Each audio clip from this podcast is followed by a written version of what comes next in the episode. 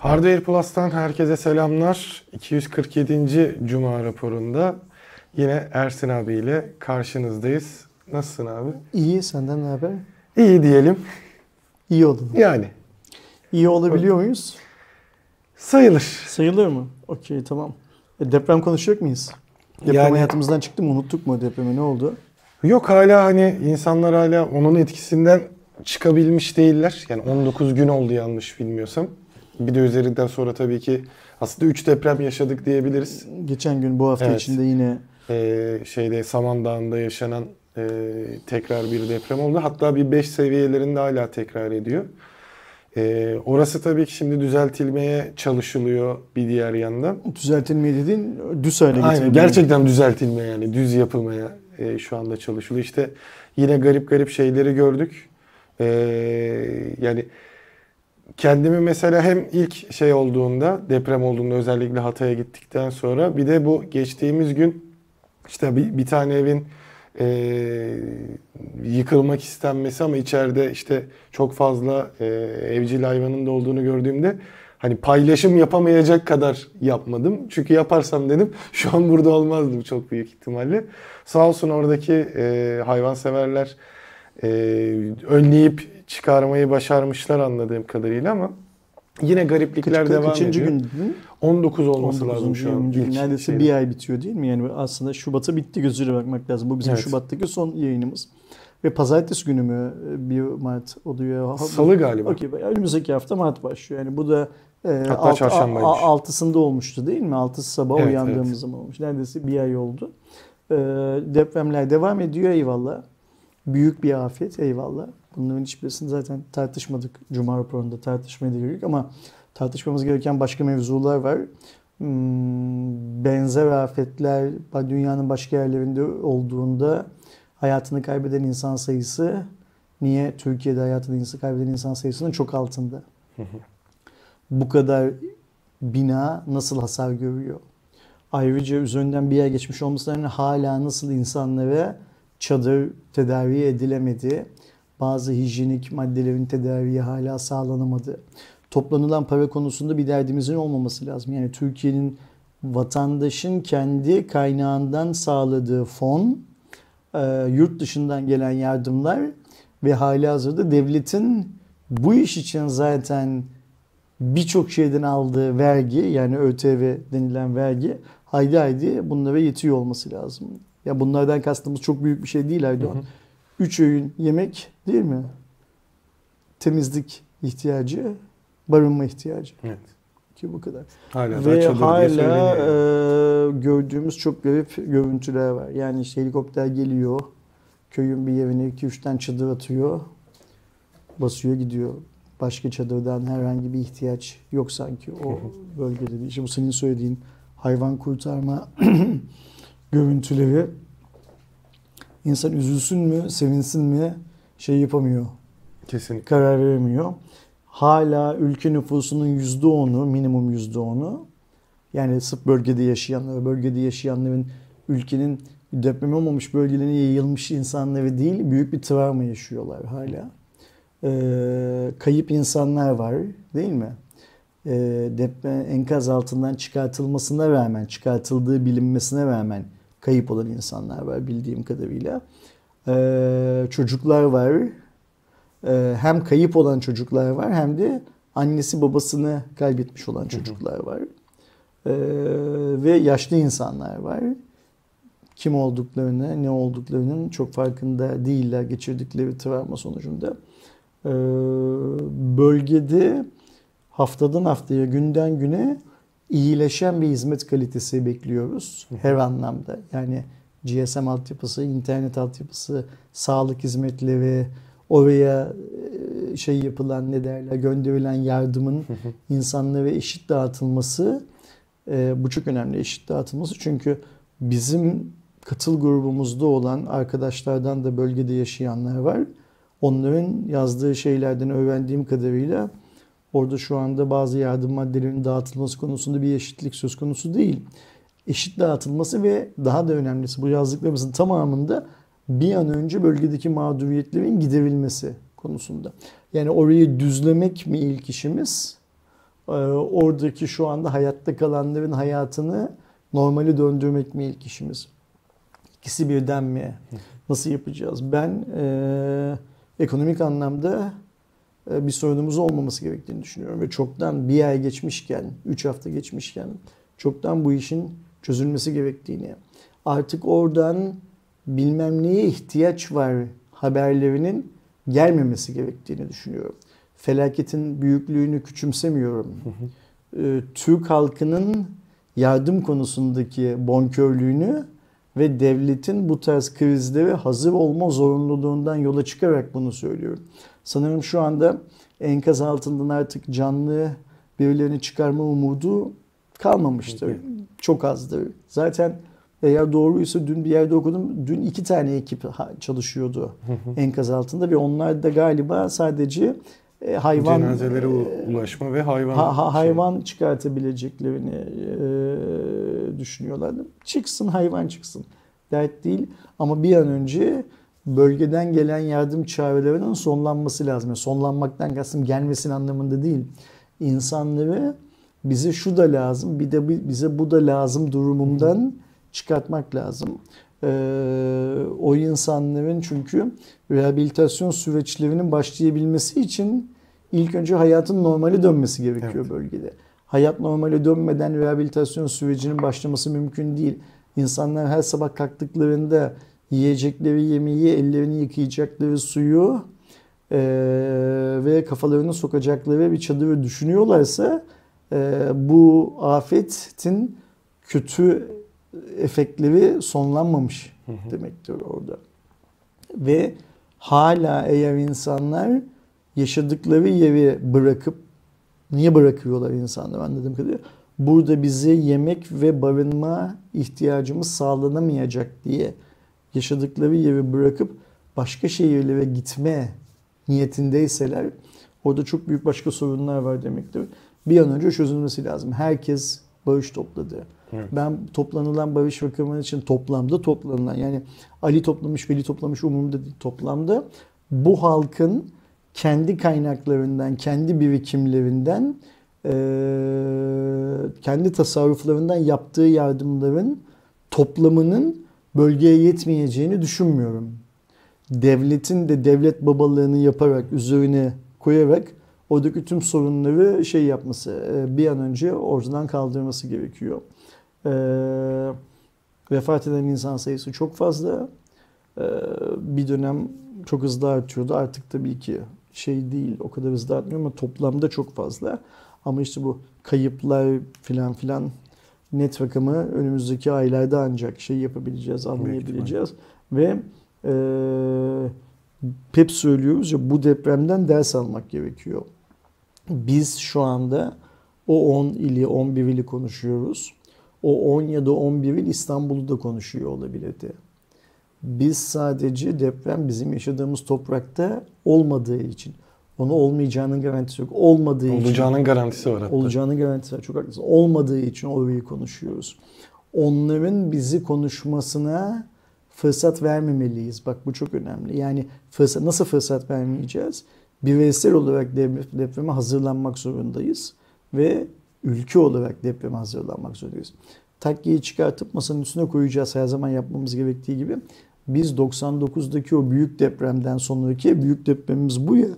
iki büyük deprem arasında yapmamız gereken neleri yapmamışız diye kendi kendimize notlarımızı vereceğiz.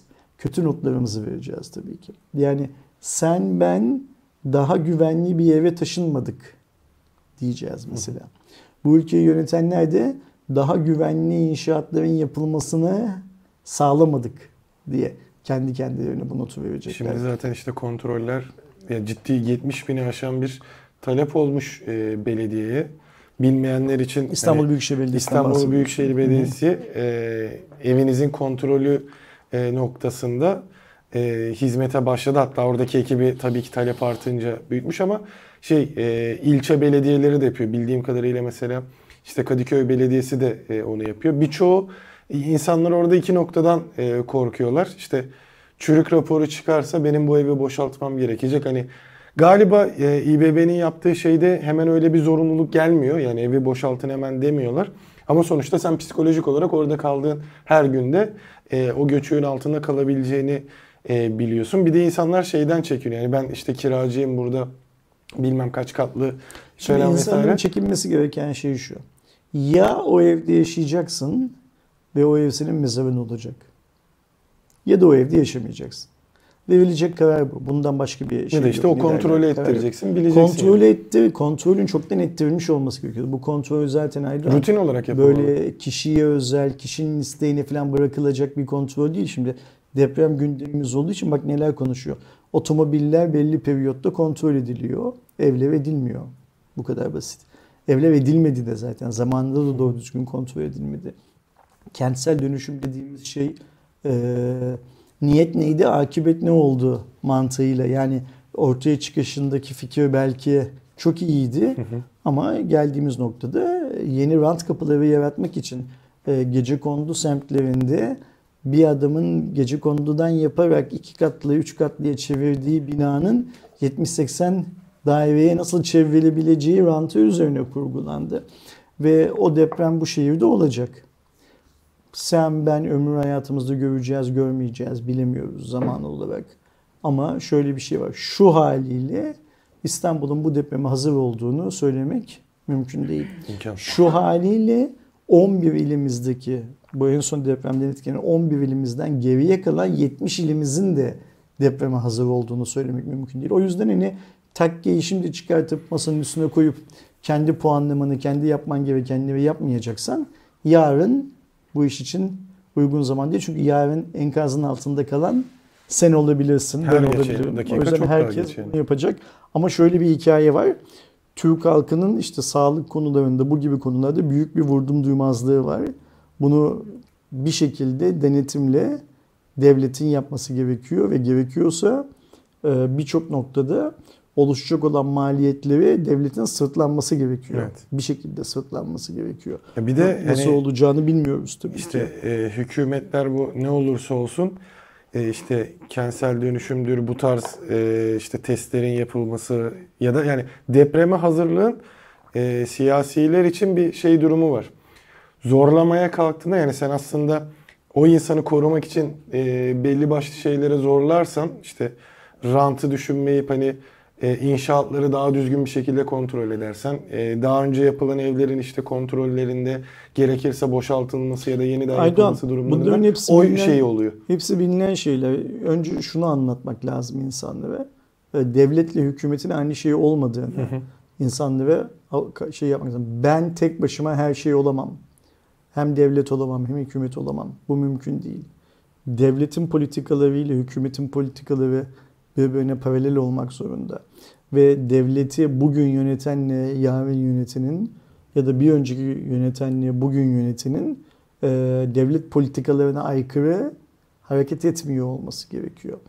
Bu ülkenin vatandaşları eğer biz o olması beklenen İstanbul depreminde hazırlıksız yakalanacağız niyetindeyseler eğer okey o zaman yapılacak çok fazla bir şey yok. Ama ben sanmıyorum ki İstanbul'da 10 milyonu aşkın insanın eee, bu kadar cesur olabileceğini. Hele o 11 ildeki görüntülere şahit olduktan sonra. O yüzden eee, zaman kaybetmemek gerekiyor. Niçin zaman kaybetmemek gerekiyor? 11 ildeki hayatın normale dönmesi için zaman kaybetmemek gerekiyor. Eee, İstanbul için zaman kaybetmemek gerekiyor. Bunlar sanki birbirinden ayrı şeylermiş filan gibi hiç de düşünmemek gerekiyor. Bunlar aynı şeyler. Ee, İstanbul'da, e, Düzce'de, İzmir'de yaşayan insanların olaya bu deprem benim yaşadığım yerde de olabilirdi ayın altısında gözüyle bakmaları lazım. Çünkü önümüzdeki dönemde herhangi bir ayın altısında, herhangi bir ayın herhangi bir gününde bunun olacağını biliyoruz. Evet. Nasıl biliyoruz? Göklerden gelen bir güç de bilmiyoruz. Bilim adamları bunun olacağını söylüyorlar zaten. Ya bilime inanacaksın. Ha şunu ayrıca tartışmak lazım tabii ki. O yüzden de devlet e, bunu karşılamak, sırtlanmak zorunda diyorum. Türk halkının cebinde bu dönüşüme yetecek parası olmayabilir şu anda.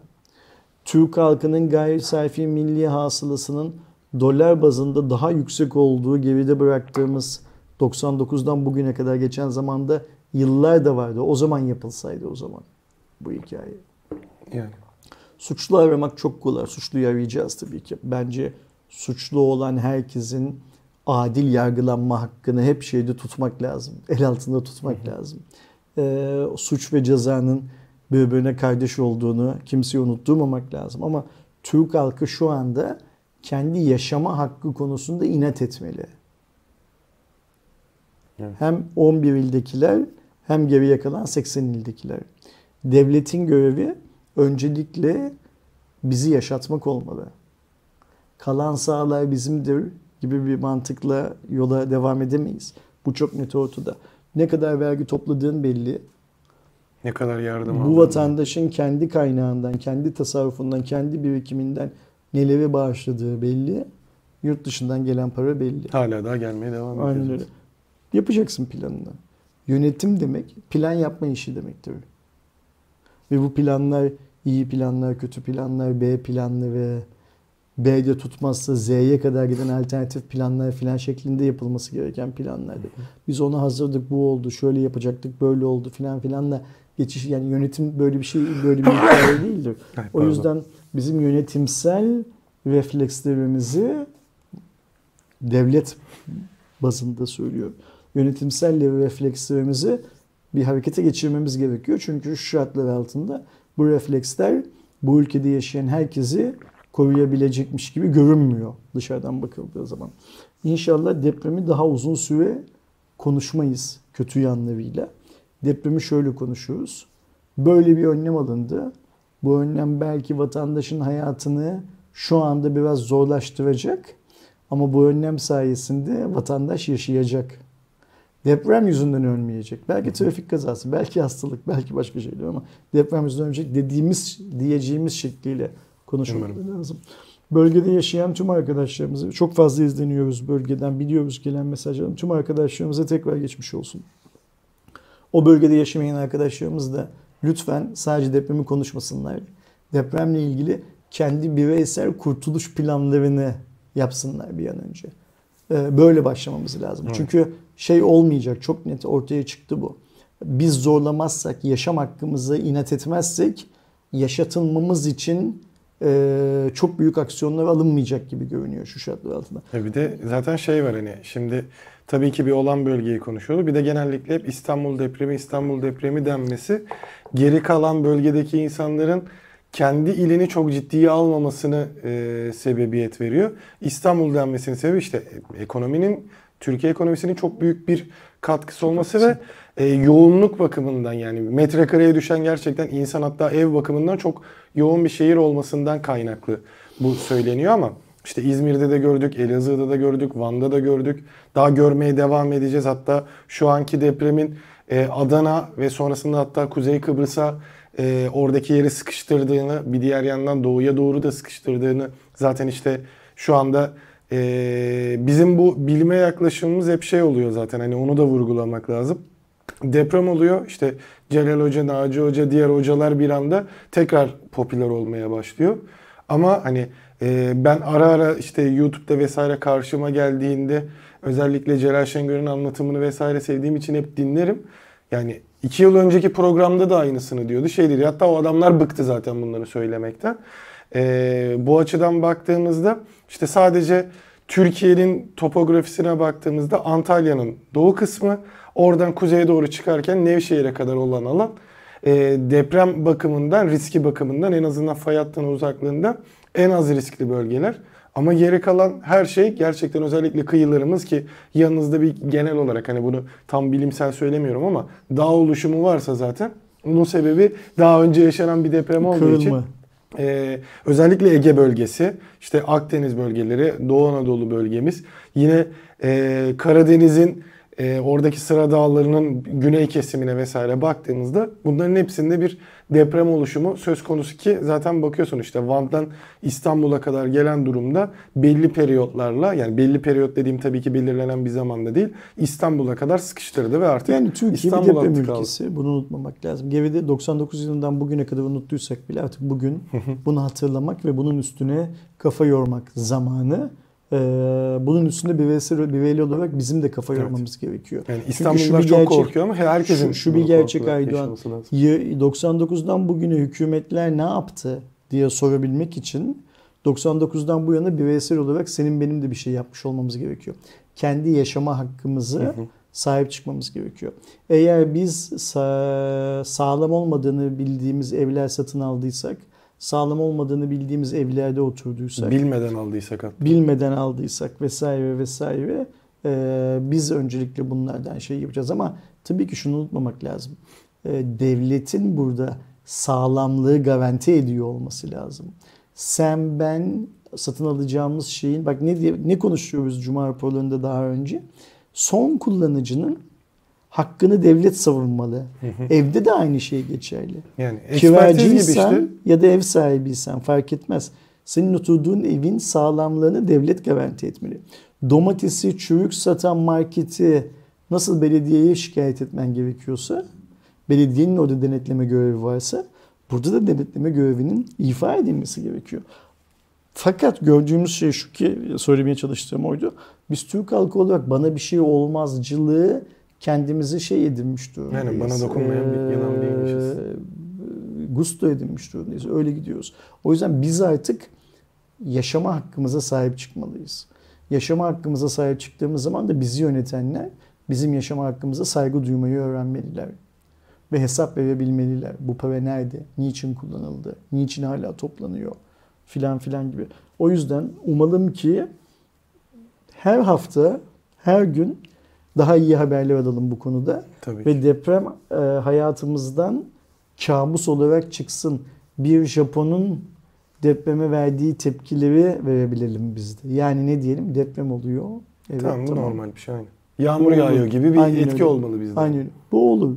Benim içinde bulunduğum apartmanla ilgili böyle bir derdim yok aşamasına gelmemiz gerekiyor. Ee, Türk milleti ne badireler atlattı bunu da atlatıyor bence. Yeter ki iyi organize olabilsin. Kesinlikle. Hadi bakalım e, MVC haftasındayız. Şubat'ın sonuna geldik. Pazartesi günü Başlıyor. Başlıyor. Ama e, böylece- etkinlikler pazar günü e, başlıyor. etkinlikler dediğin bir etkinlik. Aynen, Xiaomi'nin Xiaomi'nin lansmanı pazar günü. Xiaomi her zaman yaptığı gibi amiral gemisinin dünya lansmanını MVC'den bir gün önce koymuş şeydi Barcelona'da. Ee, teorik olarak e, bizim Hardware Plus'ın MVC ekibinde sen de olacaktın. Ee, ama şu şartlar altında uçak biletin, kalacak yerin falan her şeyi okey olmasına rağmen gidemiyorsun. Şu Aynen. an itibariyle yani Cuma günü saat 12 itibariyle gidemiyorsun. Eğer bu videoyu herhangi bir şekilde bölmemiz gerekmezse gitmiyorum da aynı zamanda. Gitmiyorsun çünkü e, red yedin Schengen vizesinde. E, itiraz ettin duruma. Evet. E, sa- bir saat daha zamanımız var galiba değil Aynen mi? yani bildiğim kadarıyla bir buçuğa kadar falan Okey. iş yapıyorlar. E, Yani Almanya'da gelen redin hala ceremesi devam ediyor. şey sen gidemiyorsun. Sen gidemediğin için de pazar sabahı Xiaomi lansmanına yetişmek için Yıldıray ile ben yola çıkıyoruz. Ee, şu şartlar altında herhangi bir şey değişmezse hayatımızda sen İstanbul'dan bize orada destek vereceksin. Biz orada sahada olacağız, çalışacağız ve bu yılki e, MVC'nin bu geriye bıraktığımız son 2-3 yıldaki işte pandemi krizi bilmem neler filan filan yüzünden biraz böyle şey olan hmm, hareketsiz, heyecansız geçen sürecin bitiş yılı olmasını Evet. bekliyoruz değil mi? Niye bitiş Sinyaller yılı olmasını bekliyoruz? Çünkü işte Xiaomi lansman yapıyor, Realme yapacak, Honor'ın yeni ürünleri, ZTE'nin, Oppo'nun filan filan bir yayın yeni ürün var şeyde, Evet. MVC'de. Zaten Mobil Dünya Kongresi de yani MVC'yi düzenleyen organizasyon da bu yıla çok önem veriyor. Evet. Böyle bir tekrar yeniden doğuş filan gibi bir hikaye. Biz de elimizden geldiği kadar oradaki içeriklerle, oradaki lansmanlarla, oradaki ürünlerle ilgili içeriklerimizi hazırlayıp arkadaşlara sunacağız. Ee, bu yıl biraz daha farklı bir şey yapmayı planlıyoruz. iş yapmayı planlıyoruz orada. Ne yapacağımızı falan anlatmaya gerek yok. Bir gidelim. Bakalım yapabilecek miyiz? Ortaya bir şey çıkacak mı? Sonrasında zaten ürettiğimiz içeriklerin videolarındaki yorumlardan vesaire vesaire filan şey yaparız. Ha tabii ki Bruce ve büyük bir ihtimalle MVC'de ürettiğimiz içerikleri de sosyal medyada şurada burada filan bağıra bağıra paylaşmayacağız. Büyük bir ihtimalle. Otomatik paylaşım. Aynen öyle otomatik paylaşacak. O yüzden arkadaşların gözü e, kanalda olsun. Zaten bereketli bir hafta olacağı için sadece biz değil dünyanın bütün teknoloji yayınları orada olacak. Her dilden içerikler üretilecek. Döndükten sonra ayrıca eğer gerek duyarsak bir MVC değerlendirmesi olarak yine konuşuruz zaten. Depremle ilgisizmiş gibi görünen ama bana soracak olursan depremle çok fazla ilgisi olan lokal bir kararla devam evet. edelim. Biliyorsunuz aslında e, deprem döneminde bir Twitter'ın bir anda bir kapanması ve e, tepkilerin de etkisiyle açıldığını gördük. E, o sıradaki e, şeyi böyle net bir şekilde görememiştik aslında sebebini vesaire. Şimdi de geçtiğimiz günlerde hatta kapanmadan bir anda ortaya çıktı BTK'nın sitesinde. Ek sözlük için bir erişim engeli geldiği görülmüştü. Ondan yani BTK'da yayımlandıktan sonra ilan edildikten birkaç saat sonra da e, eksi sözlüğe erişim tamamen kapanmış oldu. Çünkü onlar işte servis sağlayıcılarını bildiriyor. Oradaki bir süreç tamamlanmış oldu. Ama işin garip tarafı bir açıklama yok. Şey belli değil. E, hemen özellikle nasıl diyeyim basındaki kişiler hemen eksi sözlükteki kişilere e, ulaşarak bilgi almak istedi. İşin garip tarafı eksi sözlüğe de bir şey bildirilmemişti. Yani ek sözlüktekiler bilmiyoruz durumu. Biz de araştırıyoruz işte avukatlarımız araştırıyor falan dediler. Aradan birkaç saat geçti. E, kararın maddesini öğrendiler. Daha doğrusu hangi kararla işte Ankara'dan çıkan bir sulh ceza e, mahkemesinden çıkan bir kararla yapılmış ama yine sebebi bilinmiyordu. Dün yanlış bilmiyorsam e, tarihinin perşembe günü uzunca bir e, açıklama yaptılar.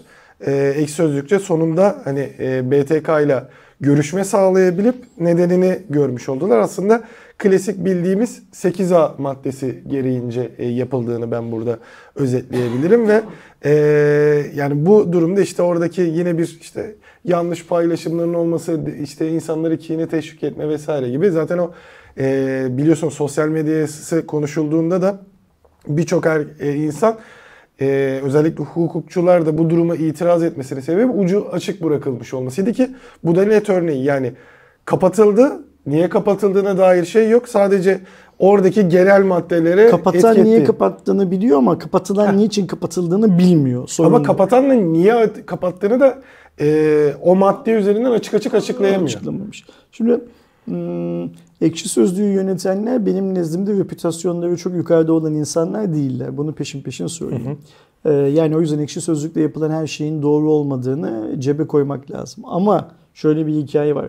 Ekşi Sözlük'te zaten bunu hak ediyordu. Ekşi Sözlük'te de bazı düzenlemeler yapmak lazım filan gibi görüşlerin arkasına sığınmak bu kapatma hikayesine, olayına e, dolaylı da olsa destek vermek anlamına geliyor bence. Bence yap, yapılmamız, yapmamız gereken şey bu kapatmaya nedeni ne olursa olsun sonuna kadar karşı çıkmak. Tıpkı Twitter'ın depremin başında kapatılmasına nedeni ne olursa olsun sonuna kadar karşı çıkmanın gerekli olduğu gibi. Biz bu yasakçı zihniyetle yol alamayız. Ee, yani mesela Twitter niye kapatıldı hala bilmiyoruz. O gün mü kapatılmalıydı? Yani senin Twitter'dakilerle görüşecek bazı konuların varsa bir önceki hafta görüş. Depreme olduğu gün mü bunu görüşmen gerekiyor filan. Her neyse. Ben bu ekşi sözlük hikayesinin de gündemi böyle değiştirmek üzere planlanan bir şey olduğunu düşünüyorum.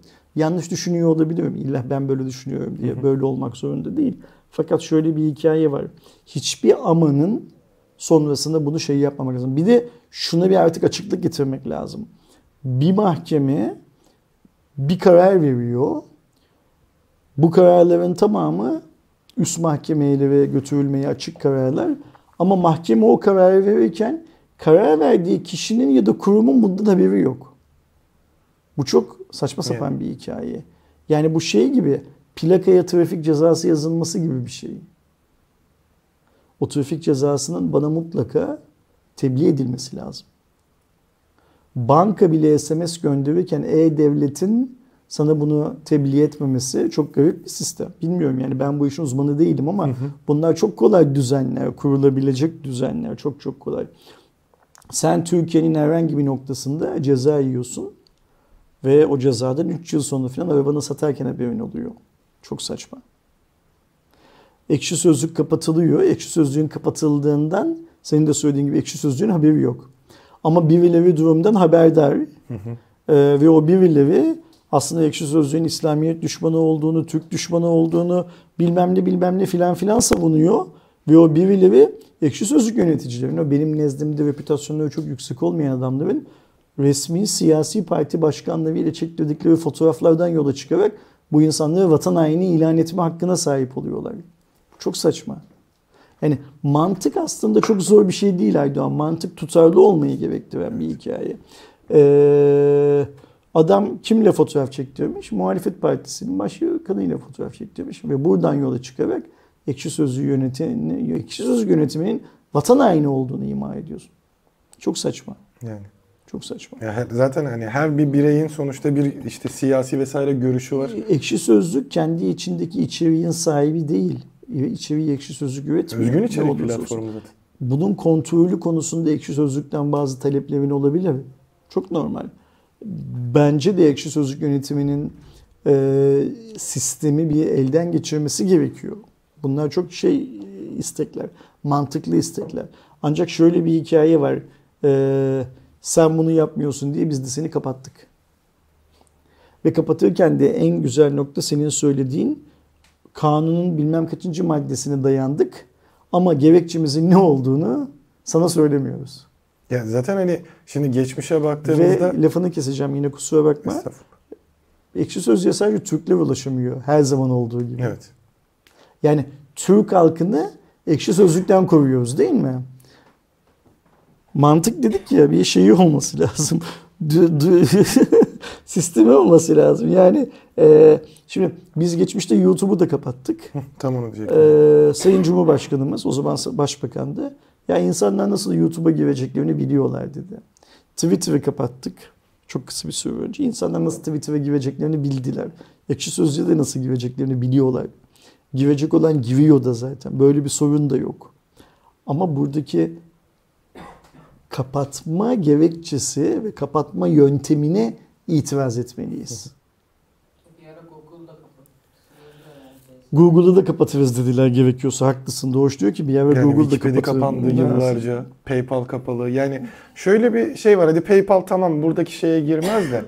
eee, yani insanların kendi görüşlerini bildirebildiği işte yani şu an aslında günümüzde Ekşi Sözlük'le Twitter çok benzer şeydeler. Hatta ben buna yani bütün sosyal medyalara ekleyebilirim. Yani YouTube'da da insanlar görüşlerini bildiriyor. İşte eee, bilimle alakalı platformlar da var.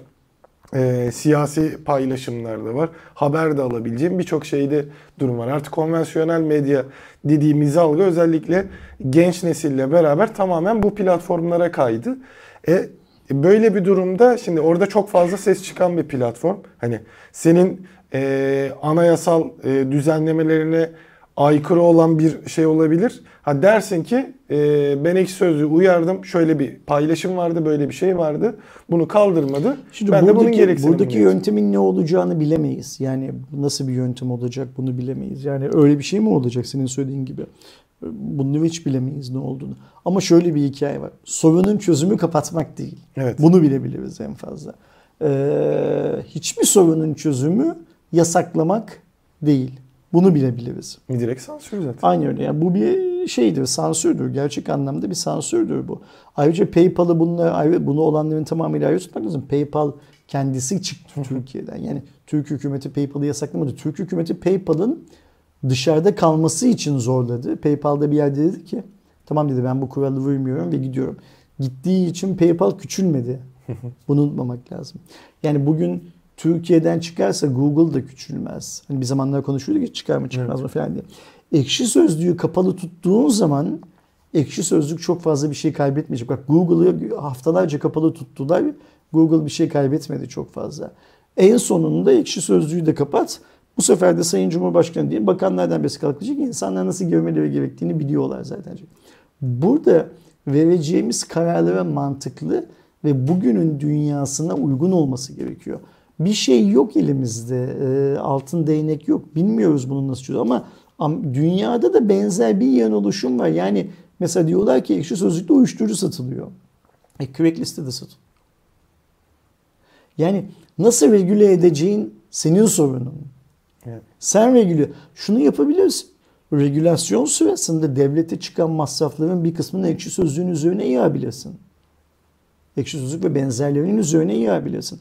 Ben de sahibinden.com'daki e, aslı astarı olmayan fiyatlandırmalardan şikayetçiyim. Ben de ekşi sözlükteki bazı yazılı şeylerin, yorumların çok mantıksız olduğunu düşünüyorum. Bunların hepsi ayrı mevzu. Herkes böyle düşünüyordu zaten. Ama bunların çözümü yasaklamak değil.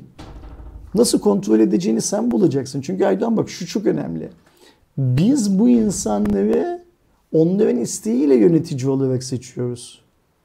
Yani aday oldukları zaman çözüm planlarının cebinde olması, ceplerinde olmaları gerekiyor. Kesinlikle. Yani zaten hani işte komple Ben bu ülkeyi depremden kurtarırım. Bir daha hiç deprem olmasına izin vermem bu ülkede.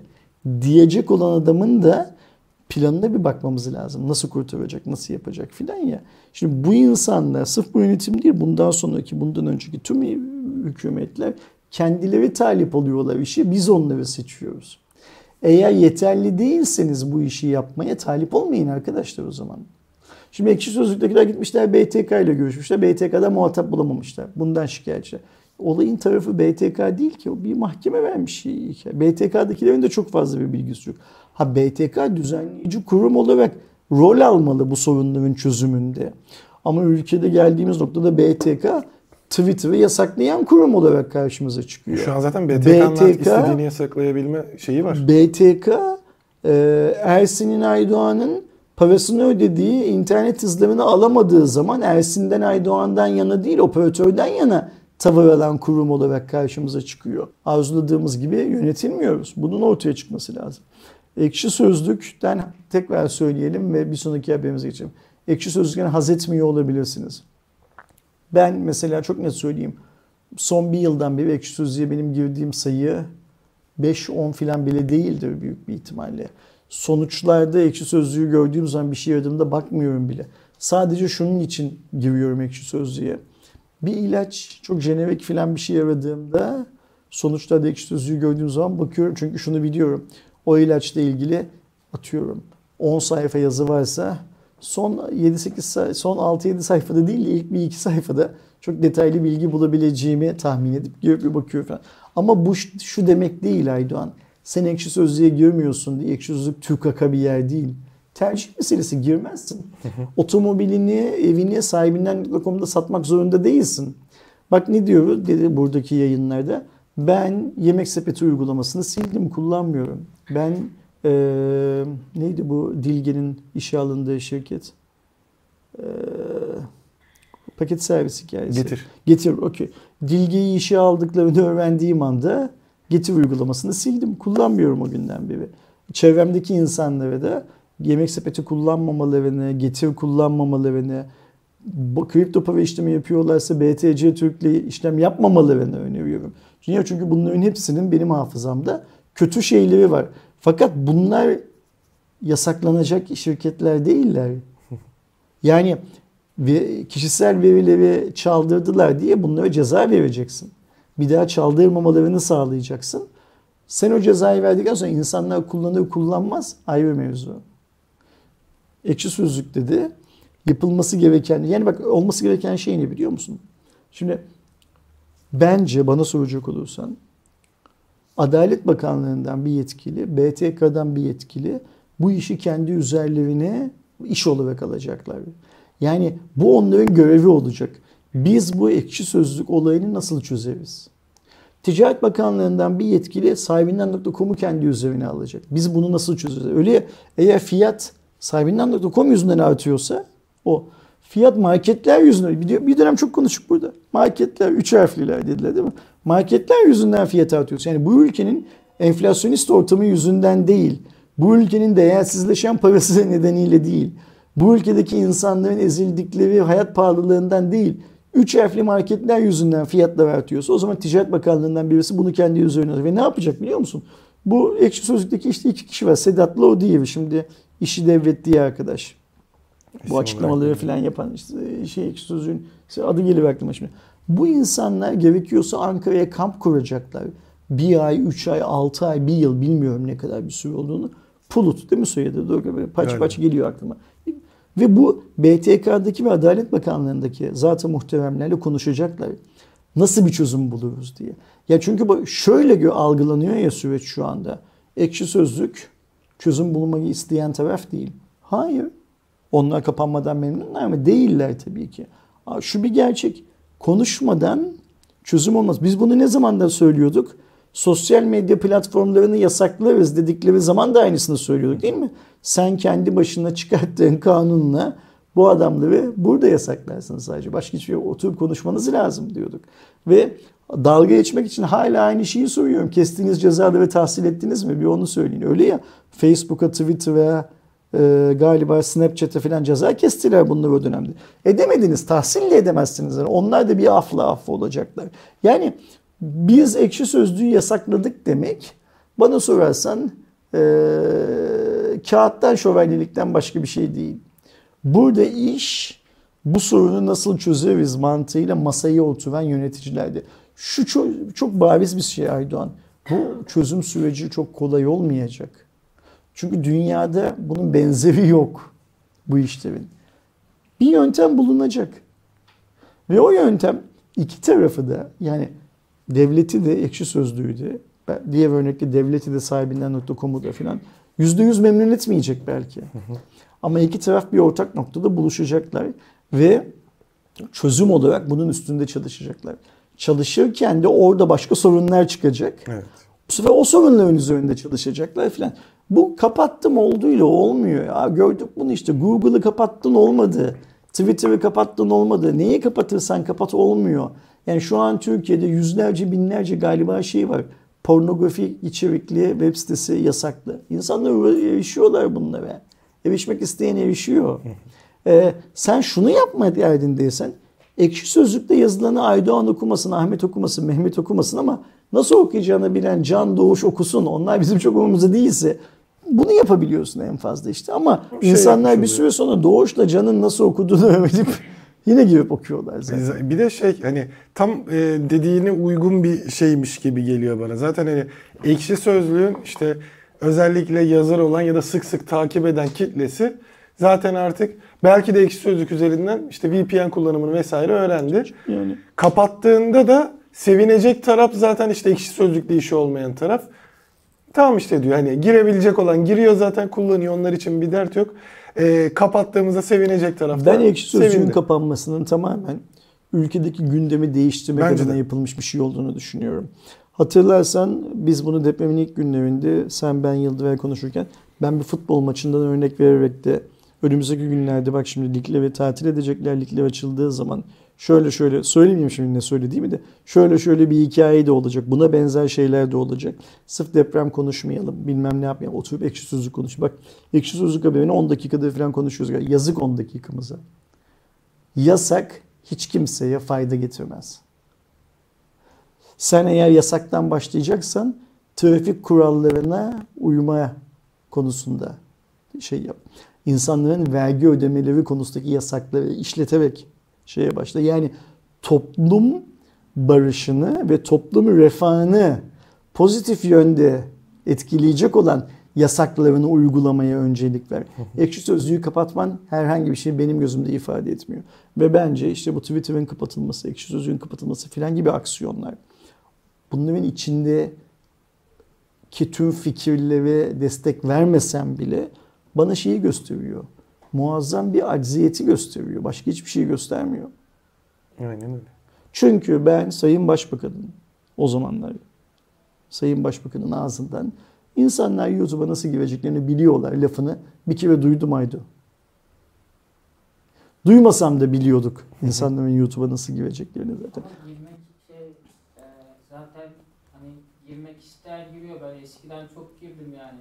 İşte Tabii, zaten tabii ki onu söylüyor zaten. Hayır, yani mesela Şunu mu ya- özür diliyorum da şunu mu yapacaksın? Aydoğan sen VPN'le ekşi sözlüğe girdin diye gelip seni mi tutuklayacaklar? Daha önce YouTube'a gireni tutukladılar mı? Yani bunlar çok saçma sapan şeyler. Bunları konuşmayalım. Bak neyi konuşalım biliyorsun? Depremi konuşalım. E zaten her şeyi öyle- de gördük o- mesela. Orada vefat eden insanları konuşalım. Orada vefat eden insanların yakınlarını konuşalım. Miras hukuku orada nasıl işleyecek onu konuşalım. Kaybolan bir değer var ülkesel olarak diye. Bak sen ben de para kaybediyoruz orada deprem olduğu için. Evet. Buradaki depreme hazırlanmadığımız için de sen ben para kaybediyoruz. Para dediğimiz şey günümüzde hayatımızın karşılığı aslında. En değerli olan şeyimiz ne? Zamanımız. Zamanımızı vererek para ka- kazanıyoruz Ya da değil mi? birikim yapıyorsun geleceğini planlamak için. O birikimin Şimdi birikim yaptığın olabilir. birikimden 11 ile yardımda bulunuyorsun değil mi tasarrufundan? O yüzden bunları konuşalım. Niçin bu hale geldiği konuşalım. Ekşi Sözlük'te de birileri eğer yasa dışı bir şeyler yapıyorsa yasayı koruması için bu devletten para alanlar nasıl para alıyorlar? Yine senin benim verdiğimiz vergiyle para. Bu onların sorunu olsun. Onlar bir yandan o yasa dışı eylemlerde bulunanları ve cezalandırmakla ilgilensinler. Bir yandan da bu yasa dışı eylemlerin nasıl yapılmayacağına kafa yorsunlar. Biz seninle offside mı değil miyi konuşmayalım. Aynen. Biz maçı izlemekten, maçtan keyif almaktan, yaşamaktan keyif almakla ilgilenelim. Niçin yaşamlarımızdaki bu keyif şeyimiz azaldı bu kadar? Bunu anlamaya çalışalım. Ben kendimi 5 yıl önce daha mutlu hissediyordum gördüğüm kadarıyla. 2 yıl önce daha mutluydum. Şimdi bir yandan kur olmuş 18 lira, bir yandan depremde 11 ildeki depremde binlerce vatandaşımız hayatını kaybetmiş. Ben bu şartlar altında ekşi sözlüğün derdini konuşmak istemiyorum. Ama ekşi sözlüğe de adaletsiz davranılmasını da istemiyorum. Yani. İş bu kadar basit. Bir diğer yandan e, Twitter kanadında da globalde e, saçma bir karar çıktı ortaya. E, Birçok insanda zaten özellikle iki adımlı doğrulamayı kullananlar e, ve özellikle SMS'te kullananlar bu bildiriyi e, almışlardır. Dikkatinizi çekti mi bilmiyorum. Twitter biliyorsunuz bu Blue ile beraber mavi tik dağıtmaya başlamıştı. Şimdi e, Mart ayı itibariyle 20 Mart'tan itibaren SMS'li iki adımlı doğrulama servisini Blue'ya özel yapıyor. Yani sen e, Çinka Karbon bir e, Twitter kullanıcı, kullanıcısıysan artık iki adımlı doğrulamayı SMS olarak değil işte e, Google Authenticator gibi servislerle ya da diğer e, işte oradaki o kodlarla vesaire kullanman Yani gerekir. Mark sana gelecek olan SMS'in parasını vermek istemiyor. Bu kadar. Burada Mark, Musk. Pardon Musk. Ama Musk- Mark da öyle bir şey yapacak gibi. Ya tabii ki. be. Bak şimdi en başından beri Musk'ın bu Twitter'ı almasında hep ne konuşuyoruz burada? Bu adam para kazanmak zorunda. Bu adam para kazanmak zorunda. Bugüne kadar Twitter yönetimi gönderilen authentication SMS'lerinin maliyetini kendine dert etmiyordu. Musk ediyor. Çünkü hep ne diyorum Aydoğan? Musk'ın en büyük derdi yaptığı ödemeyi bir an önce çıkarmak. Bu ödemeyi nasıl çıkartacağının hiçbir önemi yok Musk'ın gözünde. Bak görürsün 3 gün sonra farklı farklı abonelik sistemleri de gelecek Twitter'a. Yani çok para veren tweetini editleyecek. Atıyorum harf başına bir sent ödemeyi kabul eden daha uzun tweetler atabilecek. Bilmem ne yapacak filan. Bunların hepsi e, altın yumurtlayan tavuğun daha çok yumurtlaması için. Günde bir kere değil günde beş kere yumurtlasın. Yani şöyle bir hikaye var. Twitter belki Twitter'a bugüne kadar 5 kuruş para kazandırmayan Aydoğan gibiler sayesinde çok popüler. Ama Mark, şey Musk seni istemiyor. Zaten hani Musk senin oraya para vermeni istiyor. Sen para verdiğin zaman değerlisin. şu an şey olmaya başladı benim kafamda. Bu e, stratejiler bu şekilde yanlış devam ederse biz büyük ihtimalle hani en kötü 2024 ki bence bu yıl içerisinde şey çıkmaya başlar. İşte Twitter'a rakip şu çıktı bu çıktı gibi nasıl zamanında işte mesela Snapchat popülerdi yerini Instagram'a bıraktı. Onun gibi bir şey göreceğiz gibime geliyor. Hani Twitter'a Şimdi Musk şey kendisini konuşuluyor. yıkılmaz zannediyor bu anlamda. Yani Twitter'ı yıkılmaz zannediyor. Ama tabii ki onun yıkılıp yıkılmaz olup olmadığını öğrenmesi için bir Mark'la oturup konuşması lazım. Facebook dünyanın lider sosyal medya platformu olmasına rağmen eski Facebook değil. Mark, Mark bunu çok iyi biliyor. Ve eski Facebook'a dönebilmek için elinde imkan olsa 50 takla atar. Ama dönemiyor bir türlü. Twitter'da büyük bir ihtimalle senin söylediğin gibi eski Twitter'a döneceği günleri arayacak bir gün öyle görünüyor. Ama tabii ki e, Musk çok büyük şarlatan. Yani e, ben yavşak yavşak diyorum millet dalga geçtiğimi zannediyor. E, dalga falan geçmiyorum. Herifin görüntüsü sadece Twitter üzerinde değil. Tüm yaptığı işlerdeki herifin çizdiği profil be- benim böyle bir çıkarımda bulunmama neden oluyor. Ve bu adamlar e, yaptıkları her işte hep bir dolar daha fazla para kazanmanın hesabını yaparlar. Hep bir dolar. Hani o e, filmin giriş sahnesinde e, otomobil sektörünün nasıl işlediği anlatılır ya Fight Club'ta. Bu adamların iş yapış şeklidir bu aslında. Aydoğan'ın ya da dünyadaki milyarlarca kişinin bir tane tweet atamaması onların umurunda değildir. Para verecek olan, bir tweet atmak için para verecek olan bir kişi onlar için daha önemlidir. Evet. Arabadaki bir sağlık şey sorunu değildir dert. Onu kullananların açacağı davada alacakları tazminattır önemli olan şey. Ve eğer sen araba satışından tazminattan daha fazla para kazandıysan göz yumarsın bu hikaye. Bunlar Kesinlikle. dünya tarihinde olmuştur. Elon Musk da bunun günümüzdeki tiranlarından bir tanesi de bu ahlaksızlığın. Ahlaksızlık bak ahlaksızlık diyorum yani etik dışı davranışın tiranlarından bir tanesi de bu adamın yaptığı her işte. Uzay işinde de, otomobilde de, tüpte de, şurada da, burada da bu tarz izleri hep rastlarsınız zaten.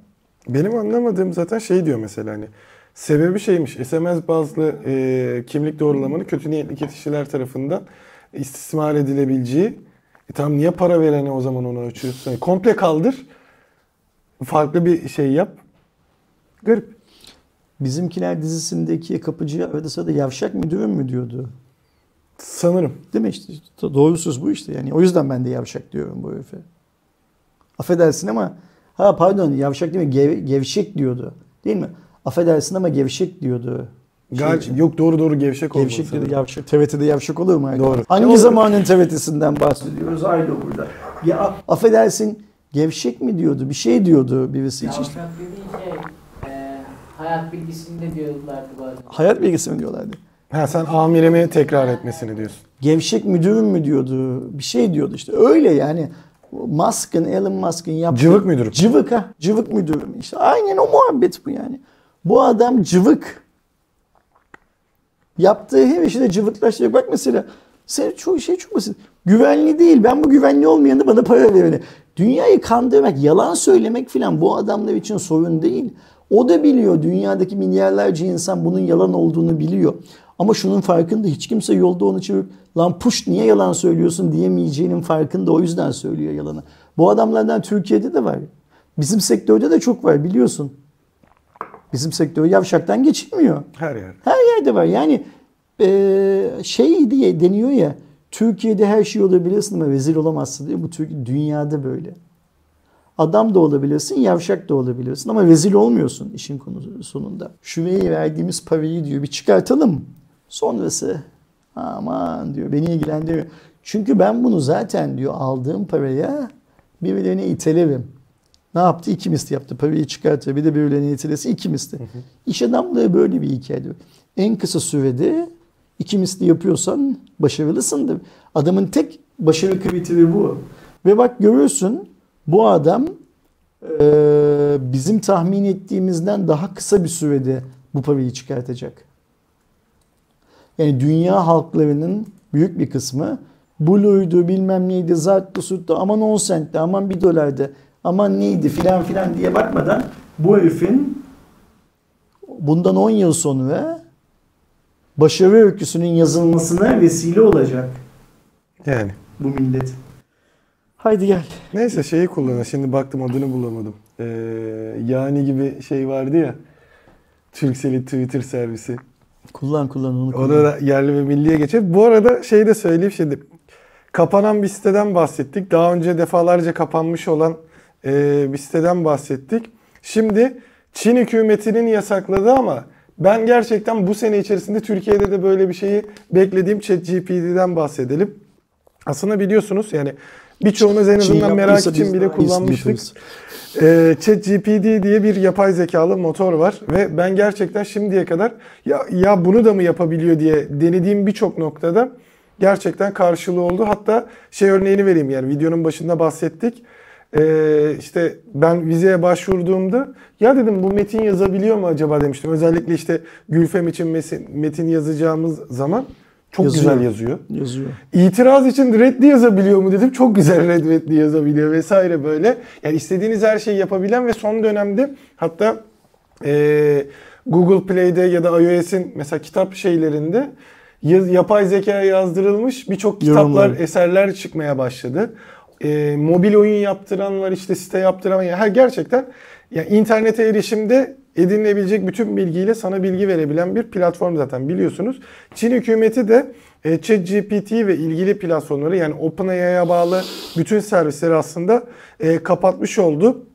20 Şubat tarihinde Çin'in işte resmi devlet kurumu yani TRT gibi bir kurum diyebileceğimiz China Daily Weibo'da ChatGPT'nin Amerikan hükümetinin dezenformasyon yayma ve kendi jeopolitik çıkarları için küresel anlatıları manipüle etme yolunda gittiğini düşünerek eee ChatGPT hizmetlerini engelletti ki bunu direkt en başta Tencent ve Alibaba'ya gidiyor ki Tencent eşittir Weibo, Weibo eşittir. Oradaki zaten işte WhatsApp'ta Weibo, Twitter'da Weibo, işte aklınıza gelebilecek bütün Şimdi sosyal platformlar Amerikan hükümetinin Huawei'ye ambargo uygulaması ne kadar saçmaysa Amerikan hükümetinin içlerinde Xiaomi'nin de olduğu 9 tane Çinli şirketi bunlar Çin ordusuna destek sağlıyorlar diye yasaklamaya kalkması ne kadar saçmaysa Çin hükümetinin de ChatGPT Amerikan hükümetine ne deforma, dezenformasyon amaçlı kullandığı bir şey dedi. Bunu yasaklaması bu kadar saçma. Ee, saçmalıklardan zaten devam ediyoruz e, şeyde. Ee, buradaki esas sorun şu Aydoğan. Bizim şu anda chat GPT olarak bildiğimiz sistem şu anda tek değil mi? Ya bir iki böyle rakibi var. Bakın, Tek şey bu başarı bu başarılılık oranında tek.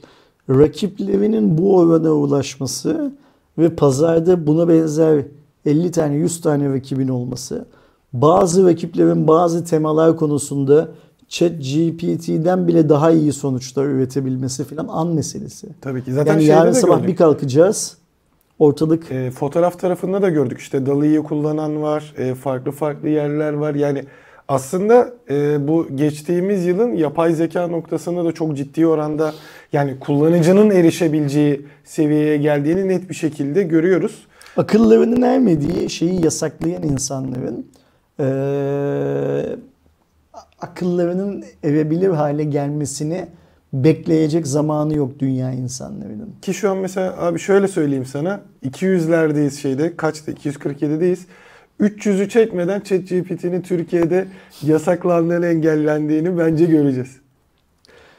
Yani keşke itiraz edebilecek kadar cesur olsam sana bu konuda.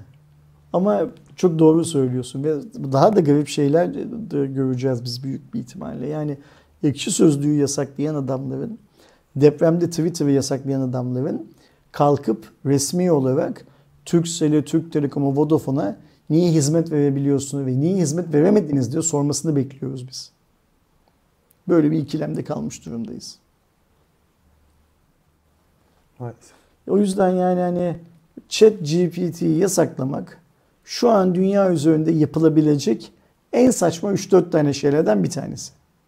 Çin hükümetine tebrik ederiz. Yapsınlar. Burada şey de çok garip bu arada. Aydan bunu da unutmamak lazım. Çin'de işte o yasak bu yasak Google yok bilmem ne falan ya. Dünyanın bazı yerlerindeki insanlar şunu söylüyorlar. E Çin'de Google yok. Bak Çinliler hala yaşıyor. Şimdi chat GPT yasak demek ki bu çok da önemli değil. Yani Türkiye'de ekşi sözlük yok. Türkler hayatlarına devam edebiliyorlar. Twitter'ı kapattık. Türkler hayatlarına devam ettiler. Hani bu ihtiyaçlar piramidi var ya. O piramit günümüzde artık çok hmm, eskidi. O piramidin bir yenilenmesi gerekiyor. Evet. Kesinlikle. Hmm, iletişimi koyacağız, bilmem neyi koyacağız. 50 tane şey koyacağız tabii ki onun için. Hangi oranlarda konulacağını bilmiyorum ama o piramit tek başına insanın artık ben insanım demesine yetmiyor. Günümüz insanların farklı ihtiyaçları, farklı talepleri var. Ve bundan 200, 300, 400 yıl öncesinde kurulmuş devlet anlayışı bu ihtiyaçları kavramak zorunda. Çok İş bu kadar basit. Bu, Çin kavrayamıyor bunu görüyoruz ama kavradığında varsaydığımız Amerika'da kalkıyor. Huawei'yi yasaklıyor. Yodulmamak. lazım. Amerika güzel kılıf buluyor. Yani en azından şey bazında Çin direkt yapıyor. En azından Musk gibi çok güvenli değil demiyor değil mi Amerika? Ya en azından hani ChatGPT bile şey yaparken hani Çin bile en azından sebebini yapıyor. Hani dezenformasyon var falan diye söylüyor yani. Çok haklısın. Bakalım. Ee, Apple kanadına geldiğimizde zaten biliyorsunuz özellikle Şubat-Mart aylarından itibaren iPhone yeni iPhone'la alakalı şeyler gelmeye başlar. Şimdi de e, cat görselleri ortaya çıkmaya başladı. E, burada da baktığımızda tasarımsal olarak biliyorsunuz iPhone 14 serisinde e, düz ve pro modelleri arasında tasarım ve işlemci farkı vardı. Şimdi tasarım bazında artık iPhone 15'lerinde o dinamik adı olarak, dinamik island olarak e, adlandırılan sisteme geçeceği e, görülüyor. Ama e, bir diğer yandan tabii ki şu anda bu %100 net olmasa da e, iPhone'ların artık e, ekran boyutunda da 0.1 inç gibi bile olsa e, büyük ihtimalle çerçevelerin de küçülmesinden kaynaklı bir ekran e, büyümesine gidileceği ve galiba 3 senedir e, kesintisiz söylenen e, tip C'ye geçiş durumu e, bu sene birazcık olacak gibi çünkü zaten işte Avrupa'nın e, kararı vesaire biliyorsunuz birçok e, durum var. Bu birazcık Apple'ı zorlayarak e, iPhone 15 serisinde artık tip C bağlantısını olabileceği söyleniyor ki işte dediğim gibi bu birazcık e, Avrupa'nın şeyi. Ha bu durum tabii ki Amerika'da Lightning burada tip C gibi bir ayrıma sebebiyet verir mi? Şu anda tabii ki onu bilemiyoruz ama o üretim Vermez. bandını değiştirmek durumundan dolayı Apple gibi şirketler aynı şeyi iki farklı yöntemle üretmek istemezler.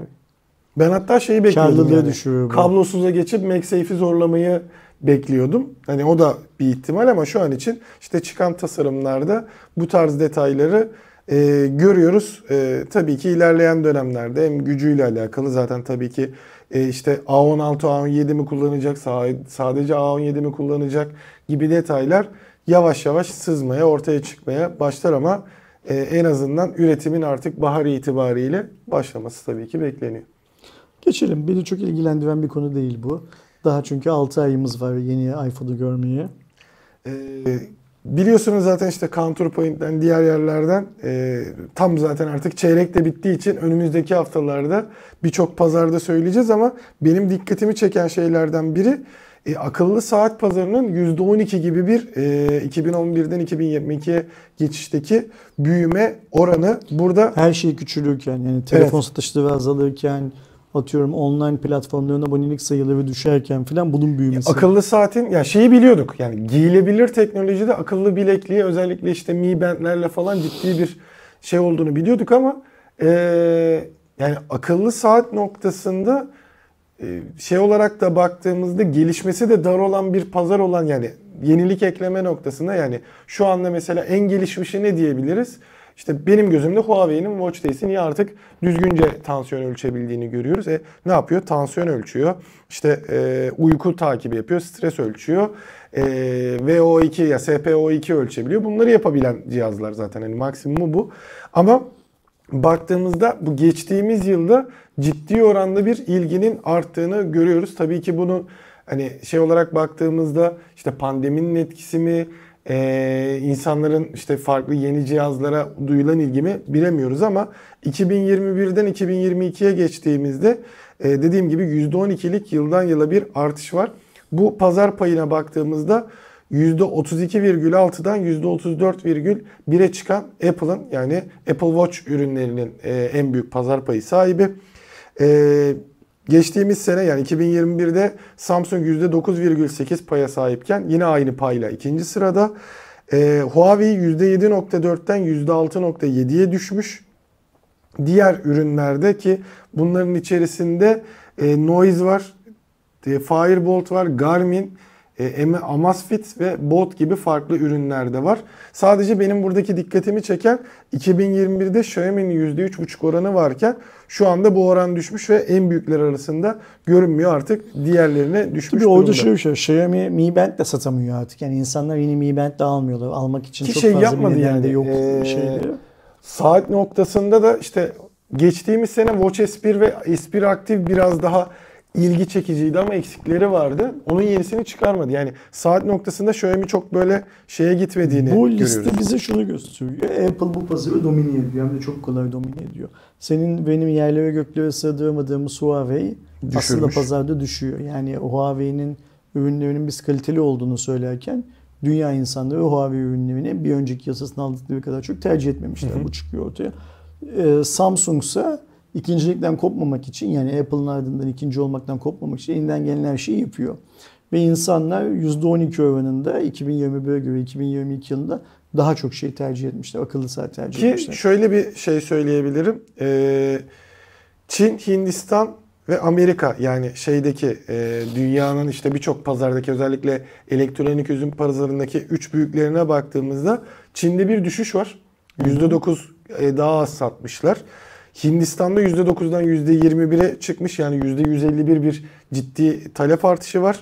Kuzey Amerika'da %30'dan %29'a düşmüş oran olarak ama e, büyümede %6'lık bir artış var. Yani Kuzey Amerika'da da e, bir ilgi artmış. E, şeye baktığımızda dünyanın geri kalanında %37'den %32'ye düşen bir pay oranı var ama yine bir artış söz konusu. Yani e, şeye baktığımızda Çinlilerde ilgi azalmış ki aslında Çin'e baktığımızda orada birçok farklı markanın var. Yani her telefon markasının bir akıllı saatinin orada olduğunu biliyoruz. E, bu Hatta açıdan daha fazlasını. Evet.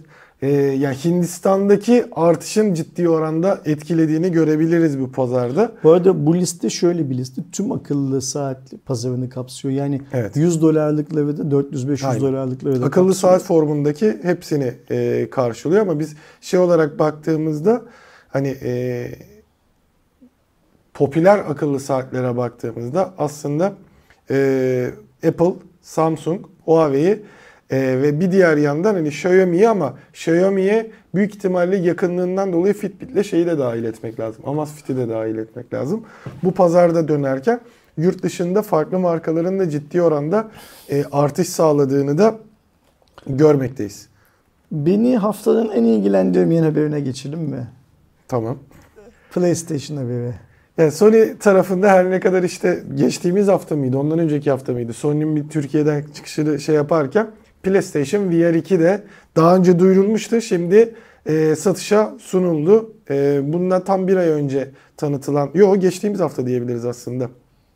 Başlık artık satışta Amerika, İngiltere, Fransa, Almanya, Belçika, Hollanda ve Lüksemburg'da çevrim içi mağazadan e, satın alınabiliyor.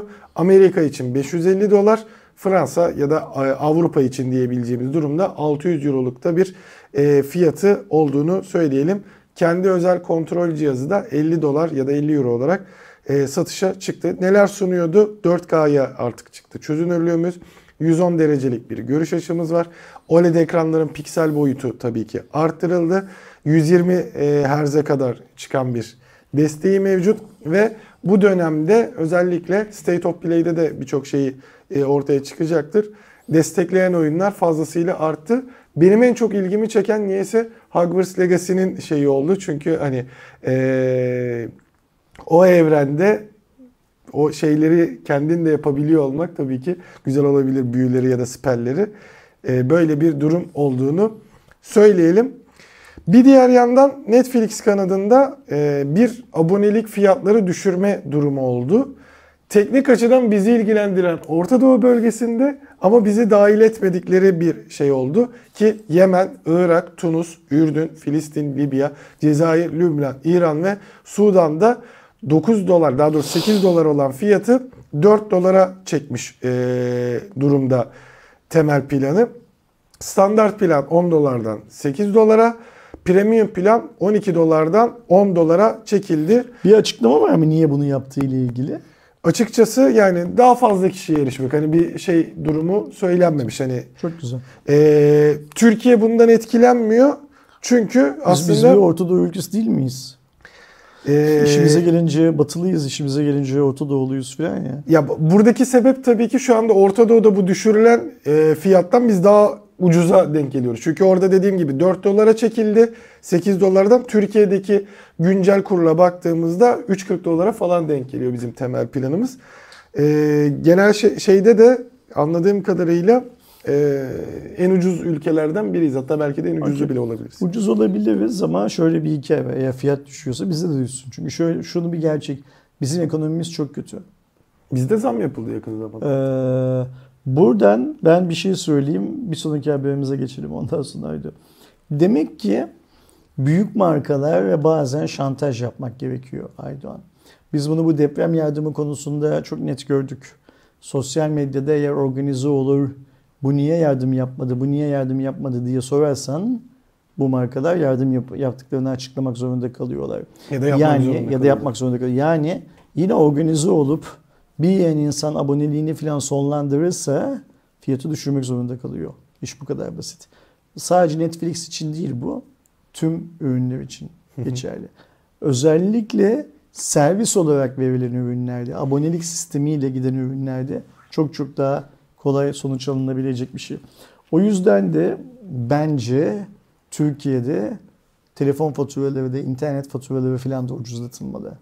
Halk eğer aldığı hizmetten memnun değilse yani şunu söylemeye çalışıyorum. Bugün Turkcell, Vodafone, Türk Telekom deprem bölgesi dediğimiz yerde 11 ilde yani neredeyse Türkiye nüfusunun %10'unun yaşadığı bölgede iyi hizmet veremiyorsa o zaman fatura da tahsil edemeyecek. Bütün Türkiye'den. Yani birileri onlara çıkıp diyecek ki siz 3 liraya şu ürünü satmak için yola çıktınız değil mi? Ama sattığın ürün kusurlu. Öyle ya çekmiyor. İnternet verdiğin hız kusurlu. E-kaderin arkasına saklanıp o hızı veremiyorsun. O zaman 3 liraya satmayacaksın. Satamazsın bu ürünü 3 liraya o zaman diyecek.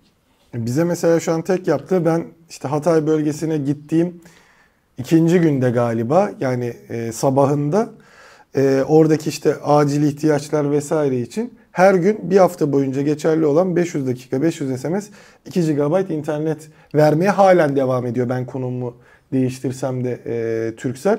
Ama şöyle bir durum vardı. Ben orada zaten onu kullanamıyordum da. Hani sen Tatlı 500 ülkelerden dakika veriyorsun kullanamıyorum. 2 GB internet veriyorsun şey yapamıyorum. Onlar da senin Şimdi düzelmiştir tabii Onlar da senin kullanamayacağını bildikleri için bol bol veriyorlar zaten şimdi. Burada Bakalım önemli olan şey şey olacak. örgütlenmesi. Ya vatandaş örgütlenirse herhangi bir şeye karşı mutlaka sonucu da alır diyelim ve e, eğer Netflix konusunda birileri örgütlenmek istiyorlarsa destek verir misin sen buna? Tabii ki. Okey tamam süper devam et. Önünden bile koşar.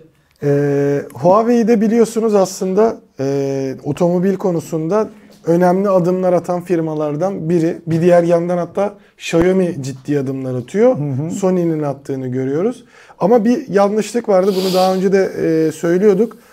E, Huawei'nin aracı olarak çıkan işte Aito markalı e, birkaç model vardı. Ama Burada hatta e, yaptığımız markalara sorunda da o bilgi veriliyordu.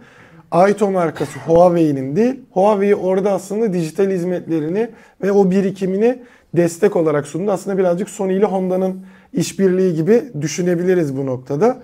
E, Huawei'nin e, tüketici iş grubu CEO'su Yu Chengdong'un yaptığı e, açıklamaya göre de işte Xiaomi'nin Apple'ın geliştirdiği söylenen ki Xiaomi'nin açık açık geliştirdiği zaten otomobil gibi Huawei markalı bir otomobili biz otomobil dünyasında şu an için en azından görmeyeceğimiz söyleniyor. Oraya daha çok bu tarz hizmetlerle Aito'ya verdiği hizmetler gibi e, teknoloji desteği yapacak ama kendi aracının olmayacağına dair bir e, bilgiyi paylaştılar. Yani bu- bilinen bir şeydi açıklamışlar sadece. Ama tabii ki e, Apple'ın e, bazı tescillerde bulunduğu biliniyor. Xiaomi'nin cihazının test aşamasına geldiği biliniyor. Şirket yöneticileri bunu şey yapmıyorlar, e, saklamıyorlar zaten. saklamıyorlar. Aynı öyle ve Zaten hani son dönemde yapay zeka ile yani Xiaomi'nin e, lansmanlarının çoğunun sonunda artık yapay zeka ve otonom sürüşle alakalı şeyler Aynen öyle. paylaşılıyor. Ve Xiaomi'nin bir an önce ürünü çıkartmak için sabırsızlandığını biliyoruz. Xiaomi kendisi e, Çin'deki test sürüşlerinden elde ettiği verileri açık açık paylaşıyor zaten. Büyük ihtimalle pazar günkü lansmandaki bu arada e, söyleyelim büyük ihtimalle yani her ne kadar 13 serisiyle alakalı her şeyi biliyor olsak da Çin lansmanı vesaireden sonra e, o canlı yayını da e, yaparım ben buradan. E, orada da kesin bununla alakalı bazı bilgiler Lansman gelecek. zaten tahminimce çok uzun olacak. Çünkü lansmanda sadece 13 seviyesinden değil işte bundan bahsedecek yeni scooter var. Eminim bu Xiaomi'nin şu son e, bir haftadır 10 gündür falan çok gazladığı yeni ekranlar diye monitörler bilmem neler falan var. Bakalım yani Ki böyle mesela Türkiye'de sessiz sedasız 6 e, litrelikten sonra 4 litrelik de bir air fryer gelmiş. Büyük ihtimalle o akıllı şeyde de hani e, robotu da dikey süpürgesi de falan da birçoğu yenilenecektir orada. Böyle bir durum var. Türkiye'de de e, bunu ben kendim yani işte haberleri araştırırken buldum. Bilmiyordum bu arada hani önüme düşmemişti. Ford, e, Koç Holding yani Otokoç ve e, LG Enerji e, çözümleri geçtiğimiz gün ortak bir gir- girişim için mutabakat imzaladılar. Ve yapılan anlaşma ile beraber Ankara bölgesinde yani Ankara yakınlarda Avrupa'nın en büyük ticari batarya üretim tesisinin kurulacağı e, bilgisi de paylaşıldı. Özellikle zaten hibrit ve elektrik dönüşümündeki en büyük yatırımları yapanlardan biri Ford. Hatta işte e, yeni sezonu da başlayacak Formula 1 meraklıları da Red Bull ortaklığını duymuştur 2026'dan itibaren. E, Honda ile başlayan sonradan Red Bull'un da e, kendi e, motor geliştirme servisini daha doğrusu artık şeyini kurduktan sonra Ford'la bir ortaklık e, geliştireceğini biliyoruz. Yani otomobil sektöründe aslında e, hibrit ve elektrikli e, motor tedariğindeki en büyük markalardan biri Ford. Şimdi de batarya fabrikasıyla Ankara'nın e, organize sanayi bölgesinde bir e, kurulum gerçekleştireceği ve fabrika tamamlandığında potansiyel olarak e, 45 gigawata kadar e, çıkabilen en az 25 gigawattlık yıllık üretim e, kapasitesinin olacağı ve üretiminde 2026 yılında e, başladıktan 3 yıl sonra da üretim kapasitenin işte 20 gigawatt ve üzerine çıkmaya devam edeceği e, söyleniyor. Bir yatırım haberi aslında. yani Ford'un Koç grubu ile birlikte Ankara'ya, Türkiye yaptığı bir yatırım haberi. Ve biz her türlü dış yatırıma sıcak bakıyoruz. Bu da gayet iyi. Bunun bizim TOG'la filan bir alakası da olabilir. TOG'un ihtiyacı olan bir hikaye. Her ne kadar TOG dünyanın en büyük pil üreticisiyle ortaklaşa kendi tesisini filan kurmuş olsa da olabilir. Türkiye üretim açısından e, asgari ücretin bu seviyesiyle, dolar kuruyla dünyanın birçok ülkesine göre insanlara ya, e, büyük şirketlere avantajlar sunan bir ülke. Bunu unutmamak lazım. E, Çin'deki bazı eyaletlerden daha düşük bir şeyimiz var. Asgari ücret oranımız var dolar bazında baktığımız zaman. Daha doğrusu vardı bu 8500 lira olan yeni fiyatla ne durumda olduğumuzu tam olarak bilmiyorum. Bakmadım ona. Ama eski rakamdan vardı. Çin'deki 3 eyaletten daha ucuzluk e, asgari ücret anlamında. O yüzden bu tarz yatırımlar tabii ki şey yapacaklar. Burada önemli olan şey bu know-how Türkiye endüstrisine nasıl şey yapacak. İşte öyle ya Çinli bu cep telefonunu yapmayı bilmiyordu. Amerikalı onu öğretti. Sonra onların sayesinde Japon öğretti. Onların sayesinde yapıverle geldi. Biz de zaman kendi içimizde yapıverle geleceğiz. Güzel bir haber. Kesinlikle. İnşallah ülkenin işsizlik konusundaki sorununa, ülke halkının, bölge halkının daha refah bir hayat sürmesi konusunda yardımcı olsun diyelim. Ee, son haberimize geldiğimizde ise biliyorsunuz aslında S23 ailesi daha yeni tanıtıldı.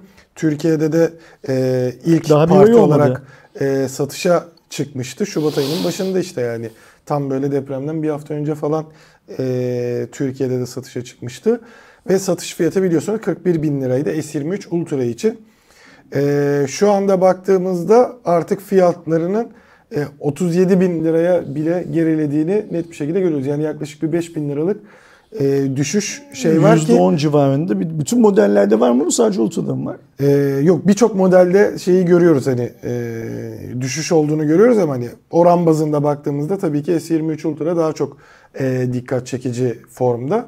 E, böyle bir durumda zaten hani e, şeyi söylemiştik yani Samsung Türkiye'nin aslında iyi bir e, fiyat stratejisiyle beraber globaldeki en ucuz e, Samsung Dolar bazında. biliyorduk dolar bazında. Şimdi ondan da ucuz duruma e, gelmiş oldu. Ve hani telefon düşer mi noktasında ilk defa ben yani uzun yılla, yıllardır değil aylardır bir Bunu bir hafta önce düşüyorum. sorsaydılar ben fiyat düşer düşmez derdim. Yani fiyat düşürmek için bir gerekçe yok ortalıkta. Samsung'un niçin böyle bir şey yaptığını da bilmiyoruz. Ee, şeyde e, pazarda e, bu fiyatta kalıp kalmayacağını da bilmiyoruz ayrıca. Ama şu bir gerçek Aydoğan. Bu kadar yeni bir cihazın fiyatının bu kadar kısa sürede Türkiye'de düşmüş olması iyi alamet değil bence. Yani ya o çok iyi sattık bilmem ne yaptık filan hikayesi gerçek değil. Ee, ya e, lansmandaki hediyeler vardı ya yanında. Hediyeler çıkıp normal satışa dönünce aslında bu %10'luk pay hediye için alınan bir paydı ekstradan. Onu düştüler falan. Bu- Şuna çok üzülüyorum. Eğer bizim izleyicilerimiz arasında S23 ailesindeki cihazları çıkar çıkmaz alanlar varsa Var. ve daha bir ay geçmeden işte 5 bin lira, 4 bin lira, 3 bin lira zarar ettilerse e, buna çok üzülüyorum tabii ki. Ama orada da yapacak bir şey yok. Elinizden bir şey gelmiyor ne yazık ki. Keşke öyle bir yapımız olsa, düzenimiz olsa ki bunu idari olarak sorgulayabilecek durumda olsak. Yani ben ne ettim de senin ilk müşterin olarak senden ilk kazığı yiyen oldum diye her markaya bu sorulabilse keşke. Ama mümkün değil böyle bir hikaye. Ee, Ben pahalı olmakla birlikte S23 ailesinin tamamının fiyatlarının iyi açıklandığını düşünüyordum. Bunu söylemiştim. Şimdi daha iyi bir hale geldi rakam. Ee, hala bana şu düşmüş olan haliyle bile biraz daha düşer mi diye birisi sorarsa yok canım düşmez. Düşmesi için makul ve mantıklı bir neden var mı derim. Onu da şey yapayım ne derler peşin peşin söyleyeyim. Hani alacak olan varsa bence e, hazır fiyat düşmüşken alsın. Hala. Yani tabii ki. Sen alır mısın abi? Yok almam. Ben almayacağımı şey yaptım zaten. Seninle birlikte çektiğimiz videoda çok açık bir şekilde dile getirdim diye düşünüyorum. Benim eee, herhangi bir cep telefonuna 40 bin lira civarında, 30 bin lira civarında eee, ödeme yapabilecek bir ekonomik durumum yok. Kimse kusura bakmasın yani. Kesinlikle. Ee, ben kendimi o kadar zengin olarak şey yapmıyorum, algılamıyorum. Bugünkü 40 bin lira dolar bu kura gelmeden önce 20 bin lirayken 15 bin lirayken yani şundan bir 2 yıl önce falan da 15-20 bin lira verecek şeyim yoktu. e, ekonomik gücüm yoktu. Yani e, bence e, bu da ya da iPhone'lara o fiyatları veren insanlar, o paraları veren insanların e, ekonomik güçlerinin benim sahip olduğumun en az iki misli falan olması gerekiyor. Herhalde o kadar zenginler diyor. Benden o kadar ze- zengin olmak ayıp bir şey değil Erdoğan. Tabii. Bunu şey yani ben bunu söylerken kimseyi eleştirmek falan anlamında söylemiyorum. Zenginliğin türlü türlü çeşitleri vardır. Ailen zengindir, zengin olursun. Kendi başına çok çalışmışsındır, zengin olmuşsundur. Ee, herkesin şeye bakması lazım. Ee, kendi içinde paranın kaynağının temiz olup olmadığına karar vermesi gerekiyor. Yani ben e, mutlaka bu telefonlara daha fazla para verebilecek arkadaşlarımız da vardır. Parası olan da canı istiyorsa en pahalıyı alır, canı istemiyorsa daha ucuz olanı alır. Herkesin kendi keyfini bileceği şey. Benim vermeme nedenim ben Türkiye Cumhuriyeti Devleti'nde kendi kazandığım paranın ne olduğunu biliyorum ve benim kazandığım parayla 40 bin liralık telefon, 30 bin liralık telefon satın alınmaması gerektiğini düşündüğüm için vermeyeceğimi söylüyorum. Ayrıca şu anda kullandığım Xiaomi 12'den de çok memnunum. Ben de Bundan bir önceki kullandığım Xiaomi 11 Lite'dan da çok çok memnundum. Ee, eminim e, S23 Ultra ya da S23 ailesindeki telefonlardan birisini kullansam ondan da çok mutlu olurum tabii ki. Yani derdim şey değil. Onu kötüleyip bunu iyileştirmek, şöyle yapmak, böyle yapmak filan değil. Benim için pahalı. Ki benim gözümde de yani mesela özellikle Ultra için e, merakım ciddi oranda artmaya başladı. Çünkü en büyük vurgu kameraydı. Ortaya çıkan detaylarda ne kadar güzel olduğunu gördük. Bir diğer yandan DxOMark'ta 10'unculuğa gelip Vivo gibi beni şaşırtması bir diğer şey oldu. Hani böyle bir e, farklı bir e, merakı ciddi oranda e, arttırdı. Ama e, satın alan kullananlar var biliyorum hatta e, bir kişi de bizim e, sevgili Uğur'la beraber çektiğimiz şu a- 6 yıllık kullanıcı deneyiminden sonra ben de yaklaşık 7 yıldır iPhone kullanıyordum. S23 Ultra'ya geçtim. E, ben de gelip anlatmak isterim diye bana Buyursun. şeyden yazmış. E, ona da zaten e, geri dönüş sağladım. E, mail atıp vesaire şey yapabilir. Hani kullananlar da tabii ki kendi görüşlerini aşağıya Hayır, yazmış şey, olsun. güzel diyelim. telefon yani e, eleştiri hangi noktada eleştireceğimizi o birlikte çektiğimiz videoda söyledik. S22 şey, ailesine göre majör bir değişiklik yok cihazda. Bunu kabul ettiğin zaman güzel bir Aynen. şey telefon. Ayrıca şöyle bir hikaye var. Şundan vazgeçmemiz lazım Aydoğan. Yani sen ve ben özelinde söylemiyorum. Bizi izleyenler özelinde söylüyorum. Bir insan iPhone 17 aldığı zaman bundan 3 yıl sonra bugün iPhone 13 aldıysa S23 aldıysa bilmem ne filan filan bu insanların kendi paraları. Hiçbir şey söyleyemezsin bu adamlara.